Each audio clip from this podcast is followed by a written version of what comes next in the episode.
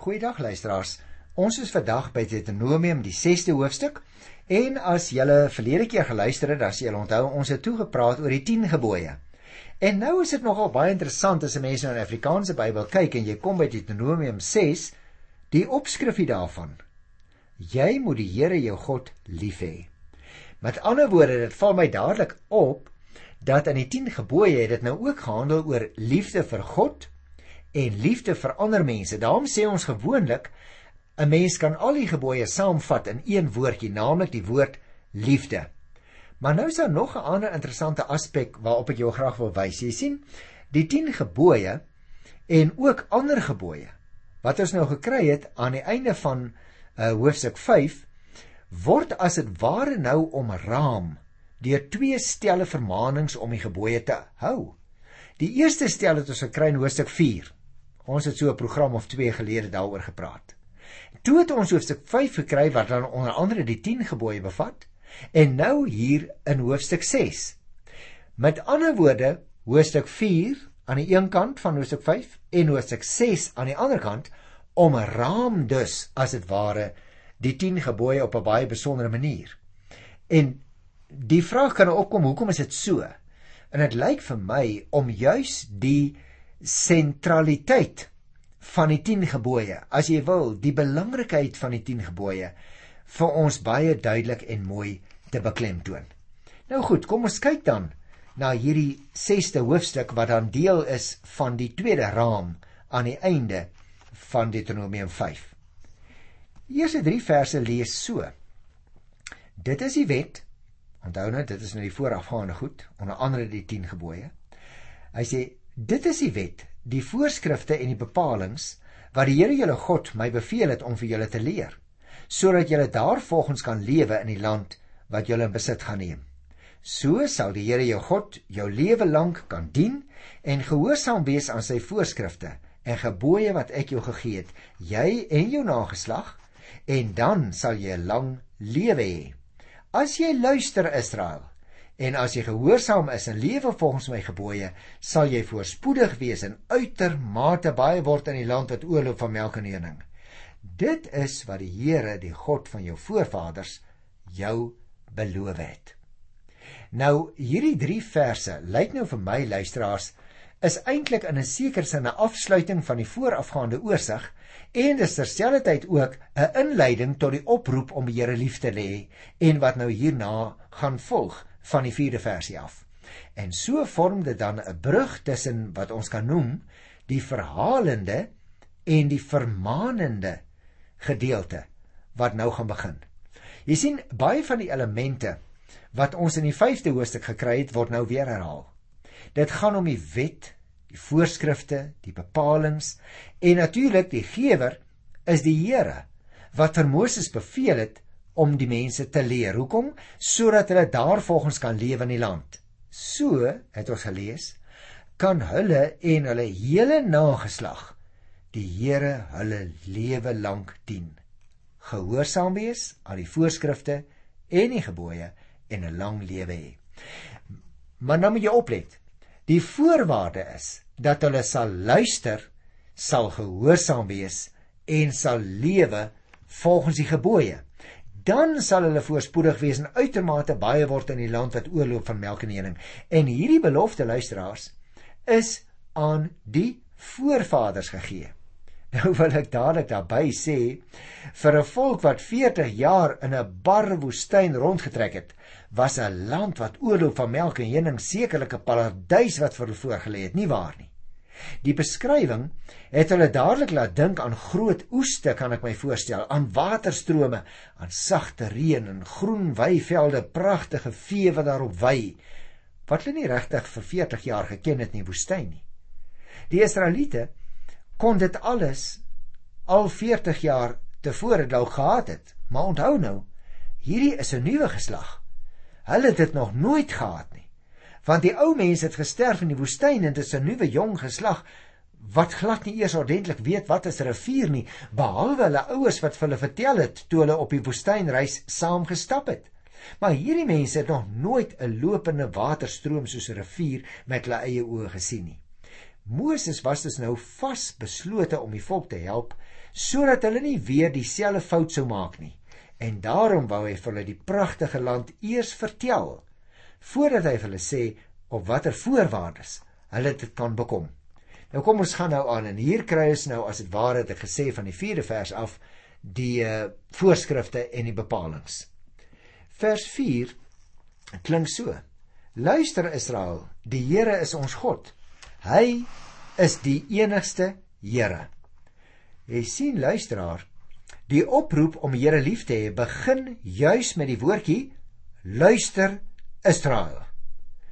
Onthou nog, mense het dit ook gekry in die eerste vers van Hoofstuk 4 en ook van Hoofstuk 5. Luister Israel en 'n mens kry dit ook in Hoofstuk 9 dieselfde uitdrukking. Nou hierdie uitdrukking, die Here is ons God. Hy is die enigste Here. Kan ook vertaal word as die Here is God en die Here is een. Wat hier bekend gestel word is die wese van die Here die wese van God, die een van die verbond. Hy wat alleen God is en naas wie daar niemand is wat eers naaste by soos hy is nie. Jy sien uit hierdie Deuteronomium 6 vers 4 blyk dit vir my baie duidelik dat daar nie so sommige ander volke van daardie tyd beweer het baie gode was nie. Die Here is die enigste ware God. Dit was baie belangrik dat die volk van Israel dit moes verstaan. Want hulle sou binnekort 'n land waar baie gode aanbid sou word in besit gaan neem.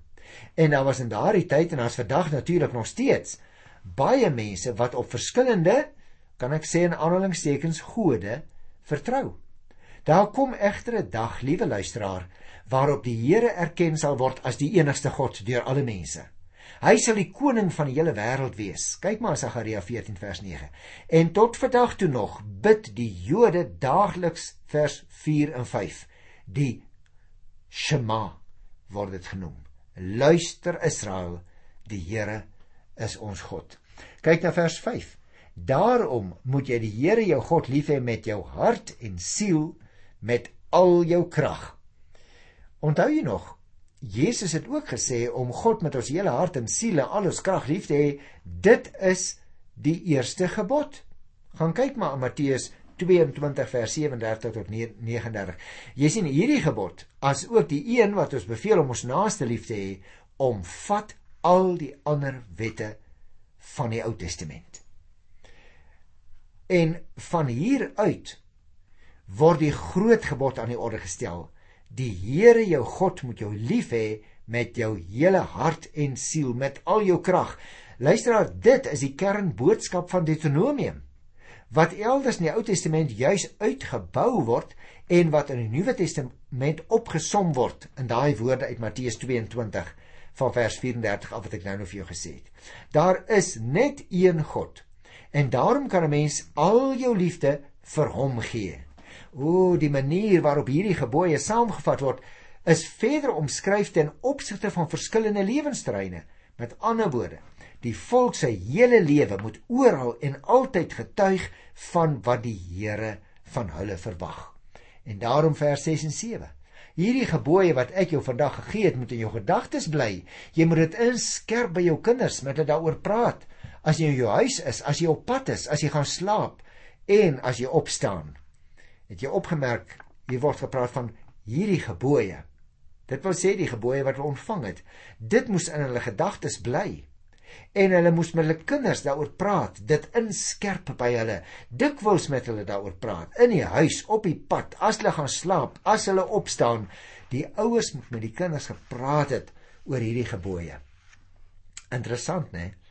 Die Hebreërs het baie goed daarin geslaag om hulle godsdiens 'n integrale deel van hulle lewe te maak. Hulle sukses, dink ek, kan daaraan toegeskryf word dat hulle godsdienstige opvoeding op 'n baie baie praktiese toepassing gerig was en nie net daarop gerig was om kennis oor te dra nie. Hulle het dus die waarhede van God oorgedra deur dit binne die konteks van hulle alledaagse lewe te plaas. Ons lees in hierdie verse byvoorbeeld hoe om ons kinders op 'n baie eenvoudige en verstaanbare manier te leer om God lief te hê. as jy wil hê dat jou kinders die Here moet volg, dan moet hy deel wees van jou eie persoonlike elke dag se lewe. Leer jou kinders om die Here te sien in alles en nie net in dinge wat met die kerk te maak het nie. Hulle moet nie die kerk sien nie. Hulle moet die Here in jou sien. Vir my as voltydse gemeenteleraar luisteraars, is dit natuurlik ook 'n groot gevaar, nee, want die kerk kan jou tog so insuig. Dit gaan hand om die kerk en nie om die Here van die kerk nie. Vers 8 sê: Jy moet dit as herinneringsteken vasbind aan jou hande. Dit moet 'n merk op jou voorkop wees. Met ander woorde, persoonlik moes hulle daarvan getuig deur dit figuurlik gesproke as 'n herinneringsteken vas te bind aan hulle hande en as 'n merk op hulle voorkop te dra. En die opdrag wat 'n geestelike bedoeling gehad het, naamlik hand en hoof in diens van die Here, is later in die geskiedenis deur die Jode letterlik uitgevoer deur die gebooie op klein rolletjies te skryf. Mens noem dit tussen hakies 'n mezuzah en soms het hulle dit ook in klein leersakkies gesit en met 'n band op die voorkop of aan die voorarm vasgemaak wat later in die geskiedenis ook die naam gekry het van 'n gebedsband. Dit is my altyd baie interessant as ek net 'n samevattende paar opmerkings mag maak oor hierdie sogenaamde Shema, hoor Israel. Jy sien, daar word soms gesê dat hierdie verse die sentrale tema van die boek Deuteronomium is, soos ek ook net nou gesê het. Hoekom? Want dit bevat 'n bepaalde patroon wat ons kan help om die woord van God in ons alledaagse lewe toe te pas. Ons moet die Here lief hê voortdurend aan sy gebooie dink. Dit ook vir ons kinders leer. Elke dag lewe volgens sy riglyne wat hy vir ons gee in sy woord. Jy sien, die Here beklemtoon dit hier dat ouers sy gebooie aan hulle kinders moet oordra. Dit is basies waarop dit neerkom. Ons kan nie hierdie verantwoordelikheid op die kerk afskuif nie. Ons kan dit nie op die skool afskuif nie. Ons kan dit nie op die staat afskuif nie. Dit is 'n ouer se persoonlike verantwoordelikheid. Kom ek sê dit andersom.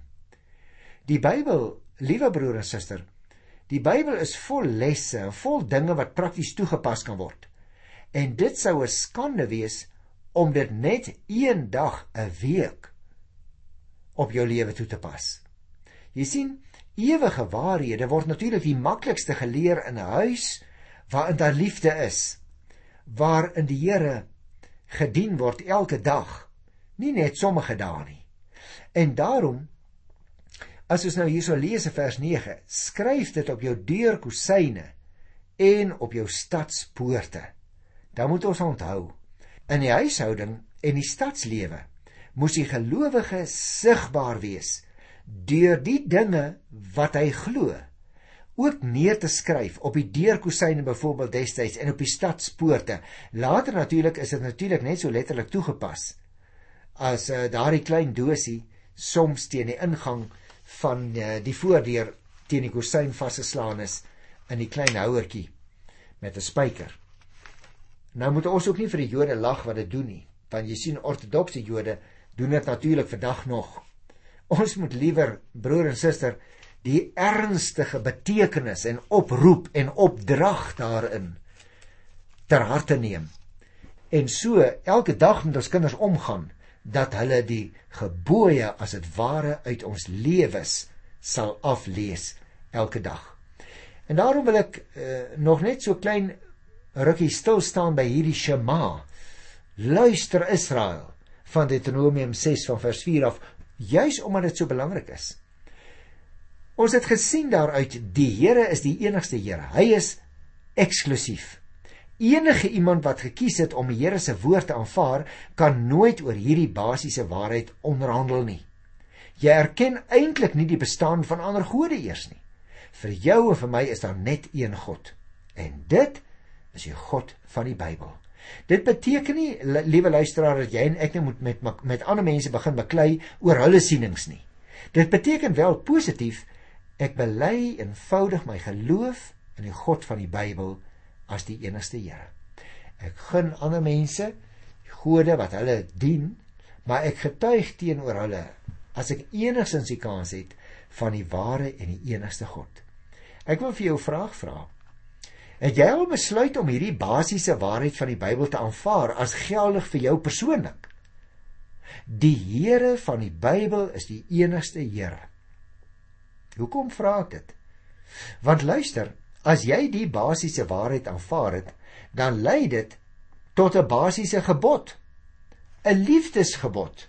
Ons het dit gekry in vers 5. Daarom moet jy die Here jou God lief hê met hart en siel, met al jou krag.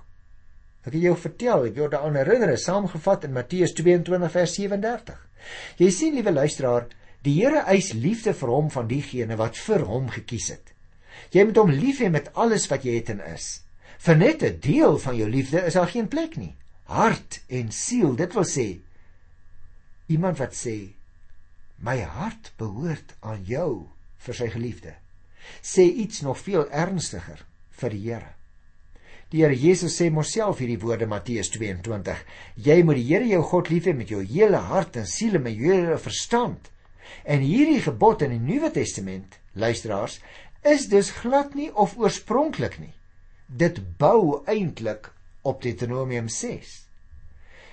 O ja, jy en ek het die Here lief omdat hy ons eerste lief gehad het. Maar nou jy moet oplet. Dit is nie maar 'n liefde teenoor Here wat ek mag hê net wanneer ek so voel nie of op my voorwaardes nie. Nee.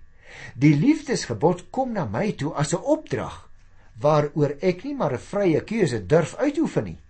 As jy en ek dus een keer besluit het luisteraar om die basiese waarheid te aanvaar, naamlik dat die Here die enigste Here is, dan staan jy en ek onder die verpligting om daardie Here lief te hê. En nou in vers 6 tot 9 volg dan nou die uitvloeisels van hierdie gebod na die praktyk toe. Want as jy die heerskap van God oor jou lewe aanvaar het, dan het daardie keuse eenvoudige konkrete uitwerking op jou en ook rondom jou. Jy sien, vir die mense van Moses se tyd was dit ook so. Jou geloofskeuse het ten minste 4 gevolge gehad. Nommer 1: Gevolge vir myself innerlik. Luister weer vers 6. Hierdie gebooie wat ek jou vandag gegee het, moet in jou gedagtes bly. Né? Nee? Jou gedagtes, jou hart. Met ander woorde, meer as net jou intellek is by jou onderhouding van die Here se gebooie betrokke. As gelowige word jou hele bestaan beïnvloed deur jou keuse. Maar nie net jou lewe word daardeur geraak nie. Dit het ook tweedens gevolge vir jou en my kinders. In vers 7 staan daar: Jy moet dit inskerp by jou kinders en met hulle daaroor praat as jy in jou huis is, as jy op pad is, as jy gaan slaap en as jy opstaan. Jy sien, liewe luisteraar, oral en te alle tye moet daar gepraat word oor die gebooie van die Here met my kind. Dit gaan duidelik hier oor godsdienstige onderrig en let op.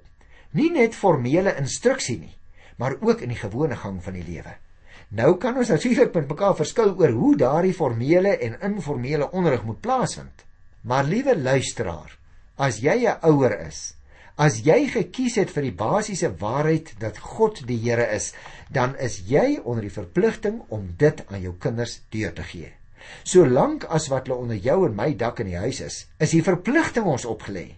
Ek moet hulle daarin herinner, ek moet hulle daarin onderrig en ek moet hulle ook daarin voorlewe. Maar ek wil 'n derde aspek noem. Dit het ook gevolge vir jou uiterlike. Luister na vers 8. Jy moet dit as 'n herinneringsteken vasbind aan jou hande en dit moet 'n merk op jou voorkop wees. O, herinneringsteken op die hand. 'n Merk op die voorkop. Ah, ja, dit is wat ons hier lees, luisteraar. Hierdie gebedsbande waarvan ek net nou gepraat het waarvan ons ook lees in Matteus 23 vers 5 waar die Here Jesus sê dat die Fariseërs en die skrifgeleerdes die gebedsbande op hulle voorkop breed maak om deur die mense gesien te word. Ooh, dis belangrik want nou mag jy en ek miskien vir die ortodokse Jode by die klaagmuur lag. Maar luister, hulle moet jou en vir my ook juis waarsku teen 'n blote veruiterliking van ons eie godsdiens. As dit tog net gaan oor die goeie orde, die mooi klere, die regte handeling, die manier van doop, luister dan slaan jy die bal mis. Nee, my uiterlike godsdiensbedryf moet bloot die gevolg wees van my persoonlike innerlike oortuiging. Anders is dit net 'n gebruik. Dit is net 'n stuk tradisie. Ek wil jou vra. Is jy seker dat selfs jou godsdienstige handeling opkom uit jou persoonlike verbondenheid aan die Here? Nee. Dan moet jy jou uiterlike godsdiens in orde kry, hoor. Los die leë vorm. Bedryf jou godsdiens uit oortuiging. Ek wil 'n vierde aspek noem voordat ek hier van hierdie gedeelte afstap. Gevolge in jou huis en stad. Daar vers 9. Skryf dit op jou deurkosyne en op jou stadspoorte. Jy sien liewe luisteraar, ek het net nou verwys na die mezuzahs aan die deurkosyne. Maar die bedoeling is net dat die Jode daarmee tog wel op 'n manier, al stem jy en ek dalk nie saam nie, maar op 'n manier daarmee probeer het om regtig getrou te wees, getuies vir die Here. Nou jy en ek en wie die Gees van God op 'n besondere manier woon sedert Pinksterdag. Ons het die krag ontvang volgens Handelinge 1 vers 8 om sy getuies te wees. Ook in die omgewing waar ons woon. Met ander woorde, na buite. En daarom wil ek vandag hierdie hoofstuk afsluit met die laaste paar versies van Deuteronomium 6. Uh daar lees ons ons was in Egipte, die Farao se slawe. En die Here het ons deur sy magtige dade bevry toe hy voor ons oë tekens en groot wonderdade gedoen het en rampe oor Egipte laat kom het oor die Farao en oor sy hele huis. Luisteraars, dit was 'n tragiese geskiedenis as jy van Egipte land se kant sou kyk, né? Maar ek dink wat ons hier moet opmerk is dit: Die openbaring van God in die geskiedenis word in 3 momente beskryf. Die ervaring van God as verlosser wat hulle bevry het deur sy magtige dade. Tweedens die oordeel van God oor Egipte, die farao en sy hele huis en tekens, en groot wonderwerke en rampe en derdens die bedoeling van God om sy volk te laat wegtrek om hulle in die beloofde land te bring, soos hy dit aan die voorvaders beloof het. En daarom vers 24. Die Here het ons beveel om volgens al hierdie voorskrifte te lewe en om die Here ons God te dien sodat dit altyd goed met ons kan gaan sodat ons kan bly lewe soos dit nou die geval is. Interessant dat hulle dit sê. Jy sien liewe luisteraar, die openbaring van God en sy woord word bekend gestel in die feit dat die Here hulle beveel het om volgens al hierdie voorskrifte te lewe. Hulle moet dus die Here dien, staan daar, met toewyding. Hoekom? Sodat met hulle goed kan gaan en hulle kan bly lewe. En dan sluit vers 25 met hierdie opmerking af. Ons sal die wil van die Here ons God doen as ons hierdie hele wet in sy teenwoordigheid gehoorsaam en daarvolgens lewe soos hy ons beveel het. Jy sien, die toewyding moet dus sigbaar word daarin dat hulle die wil van die Here doen deur sy hele wet in sy teenwoordigheid te gehoorsaam maar word bygevoeg ook daarvolgens te lewe. Dit wil vir jou en vir my as nuwe testamentiese gelowige juis waarsku lyk dit my om nie net ewe vroom te wees in die kerk nie maar om daar buitekant daarvolgens dit wil sê wat die Here ons geleer het om daarvolgens te lewe ook buitekant die kerkgebou. En dit is dus basies 'n verbondskap waarin ons staan God het homself geopenbaar in woord en daad en sy wil aan sy volk bekend gemaak en dit bring by ons die verantwoordelikheid wat ons moet nakom Mag ek jou een vraag vra? Is jy seker dat jy die wil van die Here doen? En is op hierdie vraagpunt wat ek vandag vir jou wil groet. Ek groet jou liewe luisteraar in die wonderlike wonderlike naam van Jesus Christus die Here. En as dit sy wil is, blaai ons volgende keer verder deur die boek Deuteronomium by hoofstuk 7. Tot dan, totsiens.